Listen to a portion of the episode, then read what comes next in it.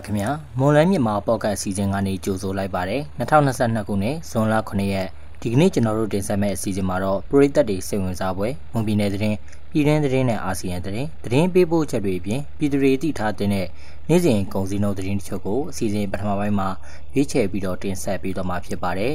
ဒါအပြင် UWSA အနေနဲ့2008ဖွဲ့စည်းပုံအောက်ကဝပြည်နယ်ကိုလက်ခံမာလာဆိုတဲ့သတင်းပေးပို့ချက်ကိုလည်းတင်ဆက်ပေးပါဦးမယ်။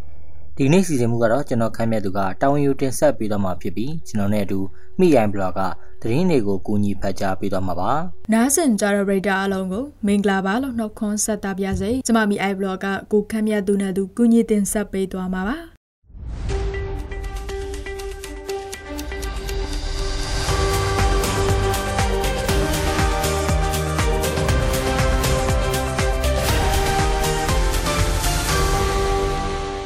မွန်ပြည်နယ်တထုံမြို့နယ်အတွင်းကထုံးပိုလေးကျေးရွာနီးမှာစစ်တပ်နဲ့ KNL ပူးပေါင်းတပ်ဖွဲ့တွေကြားတိုက်ပွဲတွေပြင်းထန်နေတယ်လို့သိရပါဗျ။နှစ်ဖက်စလုံးကလက်နက်ကြီးလက်နက်ငယ်တွေနဲ့အပြန်အလှန်ပစ်ခတ်မှုတွေရှိနေပြီးအနီးတစ်ဝိုက်ကျေးရွာတွေမှာဒေသခံထောင်နဲ့ချီပြီးစစ်ပေးရှောင်နေရတယ်လို့သိရပါတယ်။ကျေးရွာတွေအတွင်းမှာလက်နက်ကြီးကြီးတွေကြားရောက်ပောက်ကွဲမှုတွေလည်းရှိခဲ့ပြီးအဲ့ဒီအနီးနားတစ်ဝိုက်ကကျေးရွာ၄ရွာကဒေသခံ3000ခန့်ဟာနီးစပ်ရာမြို့တွေနဲ့ဘေးလွတ်ရာဆွေမျိုးနီးစပ်တွေစီထွက်ပြေးတိမ်းရှောင်နေကြရတယ်လို့ဒေသခံတွေစီကသိရပါတယ်။ အဲ့ဒီတထုံမြို့နယ်ထုံးပိုလေးကြီးရွာနီးမှာလက်နက်ကြီးတွေနဲ့အပြန်အလှန်ပစ်ခတ်ဖြစ်ပွားနေတဲ့တိုက်ပွဲတွေဟာဇွန်လအစောပိုင်းကတည်းကဖြစ်ပွားနေတာဖြစ်ပြီးလက်ရှိအချိန်ထိတိုက်ပွဲတွေဆက်လက်ဖြစ်ပွားနေတယ်လို့သိရပါဗျ။မွန်ပြည်နယ်အတွင်းကအခြေခံပညာကျောင်းတွေမှာတက်ရောက်နေတဲ့အသက်9နှစ်မှ12နှစ်ကြားကလေးတို့ကို COVID-19 ကကွယ်ဆေးထိုးပေးနေတယ်လို့ပြည်내ပြည်သူ့ကျန်းမာရေးနဲ့ကုသရေးဦးစီးဌာနမှတာဝန်ရှိသူတို့ကဆိုပါရယ်။ ပြီးခဲ့တဲ့နှစ်ကကျောင်းမသက်ဖြစ်တဲ့ကာကွယ်ဆေးမထိုးရသေးတဲ့အသက်12နှစ်မှ18နှစ်အထိကျောင်းသားကျောင်းသူတွေကိုလည်း COVID-19 ကာကွယ်ဆေးထိုးပေးမယ်လို့ဆိုပါရယ်ကြောက်အခြေပြုအနေနဲ့၃မျိုးခွဲထိုးပေးမှာဖြစ်ပြီးအသက်၅နှစ်မှ12နှစ်အကြားကလေးတို့ကိုကာကွယ်ဆေးထိုးပေးခြင်းပြီးခဲ့တဲ့နှစ်ကကာကွယ်ဆေးမထိုးရသေးတဲ့အသက်12နှစ်မှ18နှစ်အကြားကလေးတို့ကိုကာကွယ်ဆေးထိုးပေးတဲ့အပြင်ကာကွယ်ဆေးထိုးနိုင်ပြီး6လပြည့်သွားတဲ့ចောင်းသားမိဘတွေကိုလည်း booster ထပ်ထိုးပေးမယ်လို့သိရပါတယ် မွန်ပြည်နယ်အတွင်းပြီးခဲ့တဲ့နှစ်စရင်တွေအရအသက်9နှစ်မှ12နှစ်အကြားကလေးအရေအတွက်တသိန်း9000နီးပါးရှိတယ်လို့သိရပါတယ်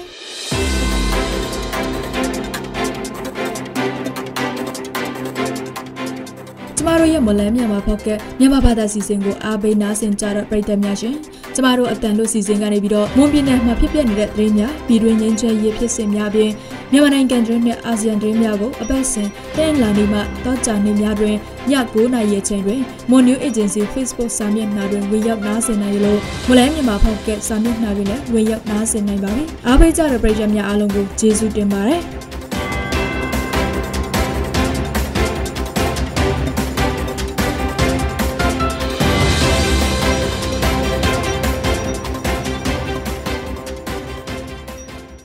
မြန်မာနိုင်ငံမှာစစ်တပ်အာဏာသိမ်းပြီးနောက်ဖေဖော်ဝါရီလ၁ရက်နေ့ကနေမေလကုန်အထိထောင်ဒဏ်ချမှတ်ခံရသူတထောင်ကျော်ရှိရာမှာအမြင့်ဆုံးပြစ်ဒဏ်တွေဖြစ်တဲ့တေဒဏ်နဲ့ထောင်ဒဏ်တသက်ချမှတ်ခံရသူပေါင်း200ကျော်အထိရှိလာတယ်လို့သူတေသနာပြုလုပ်နေတဲ့ ISP မြန်မာအဖွဲ့ရဲ့ထုတ်ပြန်ချက်အရသိရပါဗျ။ထောင်ဒဏ်ချမှတ်ခံရသူပေါင်းတထောင်ကျော်ထဲမှာဖမ်းဆီးခံရပြီးတေဒဏ်ချမှတ်ခံရသူနဲ့ဝရမ်းထုတ်ခံရပြီးမြက်ွယ်တေဒဏ်ချမှတ်ခံရသူ100ကျော် ဖမ်းဆီးခံရပြီးတေဒဏ်နဲ့ထောင်ဒဏ်တသက်တကြွချမှတ်ခံရသူ6ဦးဖမ်းဆီးခံရပြီးထောင်ဒဏ်တသက်တကြွချမှတ်ခံရသူ86ဦးအထိရှိနေပါတယ်။ဒေတာနဲ့ထောင်ဒဏ်တသက်ချမှတ်ခံရသူ200ကျော်ထဲမှာရန်ကုန်တိုင်းက202ယောက်အများဆုံးဖြစ်ပြီးကျန်တဲ့9ယောက်ကတော့ AR တိုင်းကဖြစ်တယ်လို့သိရပါတယ်။ဖမ်းဆီးခံရပြီးဒေတံချမှတ်ခံရသူတွေထဲမှာမှအသက်16နှစ်မပြည့်သေးတဲ့ယောက်ျားလေး2ယောက်လည်းပါဝင်နေပါတယ်။ မန္တလေးရွှေဘိုကားလမ်းပေါ်လက်ဝဲမြို့နယ်တွင်းမှာရှိတဲ့အောင်တေဆက်73စီဆိုင်မှာဓမြတိုင်းမှုဖြစ်ပွားခဲ့တယ်လို့သိရပါတယ်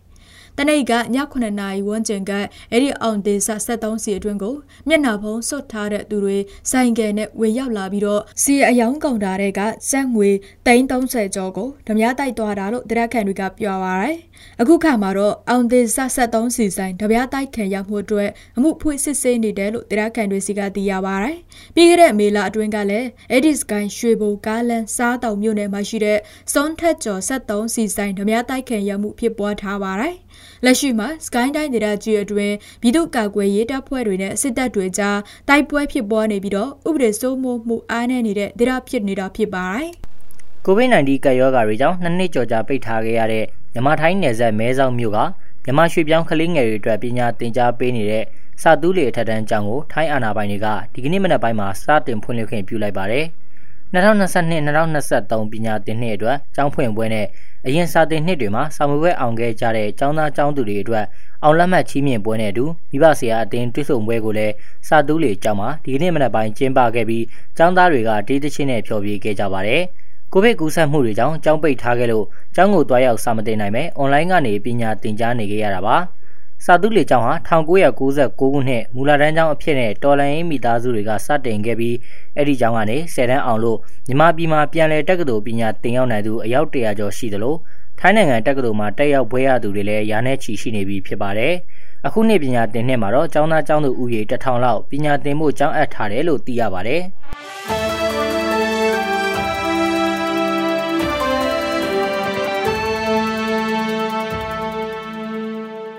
ဆက်လက်ပြီးတော့ပြည်သူတွေသိထားတဲ့နေ့စဉ်ကုန်စည်နှုန်းသတင်းတချို့ကိုမော်လမြိုင်ကုန်စည်တန်းကအချက်လက်တွေကိုအခြေခံပြီးကျွန်တော်ခန့်မှတ်သူကတင်ဆက်ပေးပါဦးမယ်။ဒီကနေ့ထိုင်းနဲ့မြန်မာငွေလဲနှုန်းကတော့ထိုင်းဘတ်60.5ဝယ်ဈေးရှိပြီးရောင်းဈေးကတော့62ကျပ်ရှိပါတယ်။ဒေါ်လာဈေးကတော့အမေရိကန်ဒေါ်လာကိုဝယ်ဈေးမြန်မာငွေ1850.6ခွန်ရှိပြီးရောင်းဈေးကတော့1855.9ခွန်ရှိနေပါတယ်။ ရွှေစင်းနှုန်းကတော့မီလီယံ16ပဲတစ်ကြက်သားကို20သိန်း3200နဲ့15ပဲတစ်ကြက်သားကို18သိန်း6500ရှိနေပါတယ်။73စီဈေးတွေကတော့ဒီဇယ်1လီတာကို2615ကျပ်အောက်တိန်92တလီတာကို2280နဲ့95တလီတာကို2385အထိရှိနေပါတယ်။ရာဘာဈေးနှုန်းမှာအကောင်းဆုံးကတော့နီလန်လွတ်တပောင်ကို1180ကျပ်ရှိနေပါတယ်။ စံစည်းနှုန်းကတော့အကောင်းစားပေါ်ဆံမွေစံသား90ကို9400ကျပ်အလဲလက်တန်းစံမျိုးစာပေါ်ကျွဲတဲ့စံသား80ကို4100ကျပ်နဲ့အမထဆန်တွေကတော့စံသား80ကို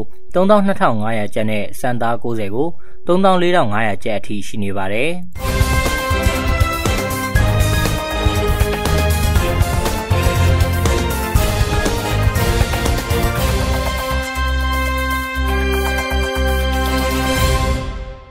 ခုတင်ဆက်ပေးသွားခဲ့တာကဇွန်လ9ရက်နေ့မှာဖြစ်ပျက်ခဲ့တဲ့မွန်ပြည်နယ်သတင်းပြည်တွင်းသတင်းနဲ့အာဆီယံသတင်းတွေပြင်တနိတာစီစေးငွေစည်းနဲ့ကုန်စည်နှုန်းတွေကိုတင်ဆက်ပေးသွားခဲ့တာပါ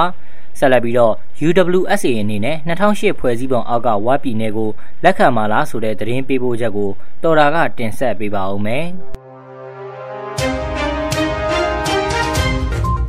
ဝပြည်သွေးစည်းညွညွရေးတမတော် UWSA အနေနဲ့2008ဖွဲ့စည်းပုံခြေကဥပဒေအောက်ကဝပြည်နယ်ကို လက်ခံမလားဆိုတဲ့သုံးသပ်မှုတွေလည်းရှိနေပါတယ်။ UWSA ရဲ့တောင်းဆိုချက်ကိုစစ်တပ်မှလာမဲ့လွှတ်တော်မှာတင်ပြကလွှတ်တော်မှာအတည်ပြုပေးပါက2008ဖွဲ့စည်းပုံအောက်ကဝပြည်နယ်ဖြစ်လာမှာကြောင်း ENAC အမှုဆောင်တရိုက်တာဒေါက်တာပညာမွန်ကပြောပါတယ်။ ဒါပေမဲ့လည်းလက်ရှိ UWSA ရထားတဲ့အခွင့်အရေးတွေဟာစစ်တပ်ကပေးမဲ့2008ဖွဲ့စည်းပုံအောက်ကပြည်내ထက်များစွာတာလွန်ကြောင်းအဲ့ဒီချက်ကို UWSA အနေနဲ့စဉ်းစားရန်လိုအပ်ကြောင်းဒေါက်တာပညာမွန်ကဆိုပါတယ်။ကဲဝပြည်နယ်ဖြစ်လာပြီဆိုရင်တခြားပြည်နယ်လိုပဲသူကပြည်နယ်ပါလီမန်ရှိလာမယ်။နော်ပြည်နယ်ပါလီမန်ရှိလာပြီဆိုရင်အဲ့ဒီပါလီမန်ထဲမှာ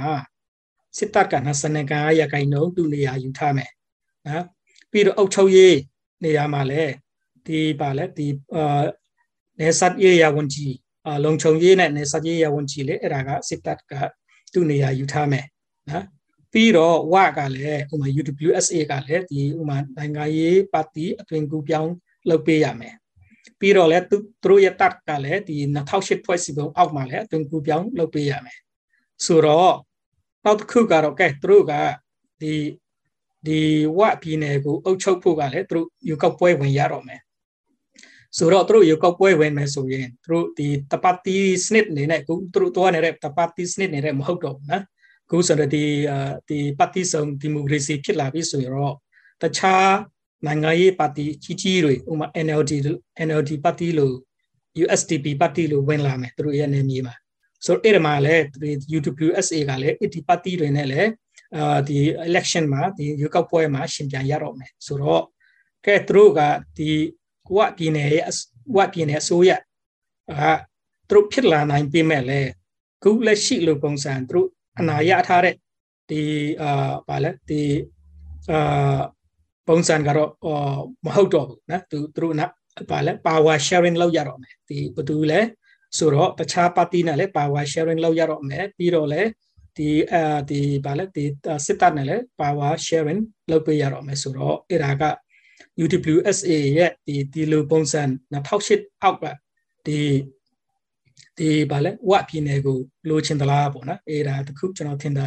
UWSA ကစဉ်းစားဖို့လိုတာပေါ့နိုင်ငံတော်ကိုပြိုကွဲစေခြင်းနိုင်ငံတော်မှထွက်ခွာခြင်းလုံးဝပြုလုပ်မှာမဟုတ်ကြောင်းသို့တော်လည်းနိုင်ငံတော်ကာကွယ်ရေးနဲ့တရမန်ရေးရာကလွဲပြီးမိမိကိုမိမိတို့အောက်ချုပ်စီမံသွားမှာဖြစ်ကြောင်း UWSA ကနှစကကောင်စီဥက္ကဋ္ဌကိုတောင်းဆိုထားပါတယ် UWSA မှနှစကဥက္ကဋ္ဌထံ ပြည်내တည်ထောင်ရန်တောင်းဆိုမှုကိုမူအားဖြင့်သဘောတူကြောင်းသို့တော်လည်းခွဲမထွက်ခွေဆိုတဲ့အာမခံချက်ကိုတောင်းဆိုကြောင်းနှဆက်ကကောင်စီမှသတင်းထောက်ပြန်ရေးဖွဲ့ကောင်းဆောင်ဗိုလ်ချုပ်စောမင်းထုံးကပြောပါတယ်။ဝါကိစ္စနဲ့ပတ်သက်လာပြီးရင်အဲမူဝါဒအားဖြင့်ကကျွန်တော်တို့ကဒါတောင်းဆိုတဲ့ဟာပေါ့နော်မူဝါဒအားဖြင့်ကကျွန်တော်တို့ဒါခုလိုပုံစံမျိုးအဲဓာတ်ထက်ညင်းတဲ့ပုံစံမျိုးပေါ့နော်ပေးနိုင်ဖို့အတွက်ရေဘူးကမူဝါဒအားဖြင့်က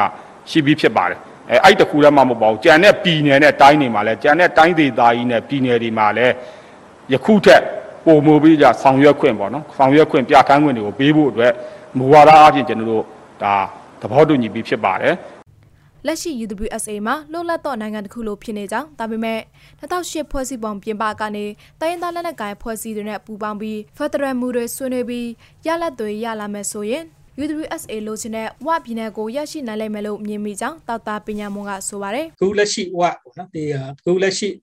ဒီ UWSA ရထားတဲ့အာဒီအနာကတော့အမှန်တကယ်ပြောမယ်ဆိုရင်ဒါကဒီတိုင်းပြည်တစ်ခုပေါ့ဒီပြည်နယ်ဒီတကယ်လွတ်လပ်တော့အာနိုင်ငံတစ်ခုခါနီဖြစ်နေတာပေါ့နော်။ဘာဖြစ်လဲဆိုတော့သူတို့ရထားတဲ့အနာကဒီအခု2008ဖွဲ့စည်းပုံပေးနိုင်တဲ့ အနာထက်ပိုများပြီးတော့သူတို့ရထားတယ်နော်အဲ့ဒါကလည်းသူတို့ပါလေဒီအာအာဘယ်လိုပြောဒီအပေးယူလောက်နိုင်မလားပေါ့နော်အဲ့ဒါလည်းသူတို့စဉ်းစားရတော့မယ်ပေါ့နော်အဲ့အဲ့ဒါကကျွန်တော်တော်တော်လေးအာစဉ်းစားချက်အာတစ်ခုပေါ့နောက်တစ်ခုကတကယ်အကယ်၍သူတို့ကျွန်တော်ထင်တာဒီဒီ2008ဖွဲ့စည်းပုံပြင်ပရဲ့ဒီဘာလဲဝတ်ပြည်နယ်ကို သူတို့လိုလာခြင်းလိုလာမယ်ဆိုရင်ဒါကကျွန်တော်ထင်တဲ့ခုနကဒီဒီတိုင်းရင်တာလက်နက်ကင်ဖွဲ့တွေအားလုံးပေါင်းပြီးတော့နော်ကျွန်တော်တို့လိုချင်တဲ့ Federal Move နော်ဒီ2008ဖွဲ့စည်းပုံပြင်ပပေါ့ကိုအကယ်၍ကျွန်တော်တို့အော်အော်ဒီဗာလဲပေါင်းစည်းပြီးတော့ကျွန်တော်တို့ SAC နဲ့ဆွေးနွေးပြီးအကယ်၍အဲ့ဒီလိုအရလပ်တွေရလာနိုင်ရလာမယ်ဆိုရင်ကျွန်တော်ထင်တာတကယ် ဒီ UWSA အာလိုချင်တဲ့ဒီဗာလဲဒီ Federal ဗာလဲဒီဝပြည်နယ်ကိုရလာနိုင်တယ်လို့ကျွန်တော်အဲ့ဒါလိုသုံးသပ်မိပါတယ်နော်အဲ့ဒါလောက်ပါပဲ လက်ရှိ UWSA ဟာဗမ်ခမ်းမြို့ကိုဌာနချုပ်မြို့တော်ဖြစ်သတ်မှတ်ပြီးတရားရေးပညာရေးအောက်ချုပ်ရေးအခွန်ဌာနလုံခြုံရေးဌာနအပါအဝင်ဌာနဆိုင်ရာတွေကိုဖွဲ့စည်းပြီးထိန်းချုပ်ထားပါတယ်။2008ဖွဲ့စည်းပုံအခြေခံဥပဒေရရှမ်းပြည်နယ်ကိုဟိုးပန်းမိုင်းမော်ပန်းဝိုင်နာဖန်မှတ်မှန်နဲ့ပန်းခမ်းမြို့နယ်6ခုကိုခရိုင်တစ်ခုဖွဲ့ကဝကိုပိုင်အောက်ချုပ်ခွေရအတိုင်းဖြစ်သတ်မှတ်ပေးထားပါတယ်။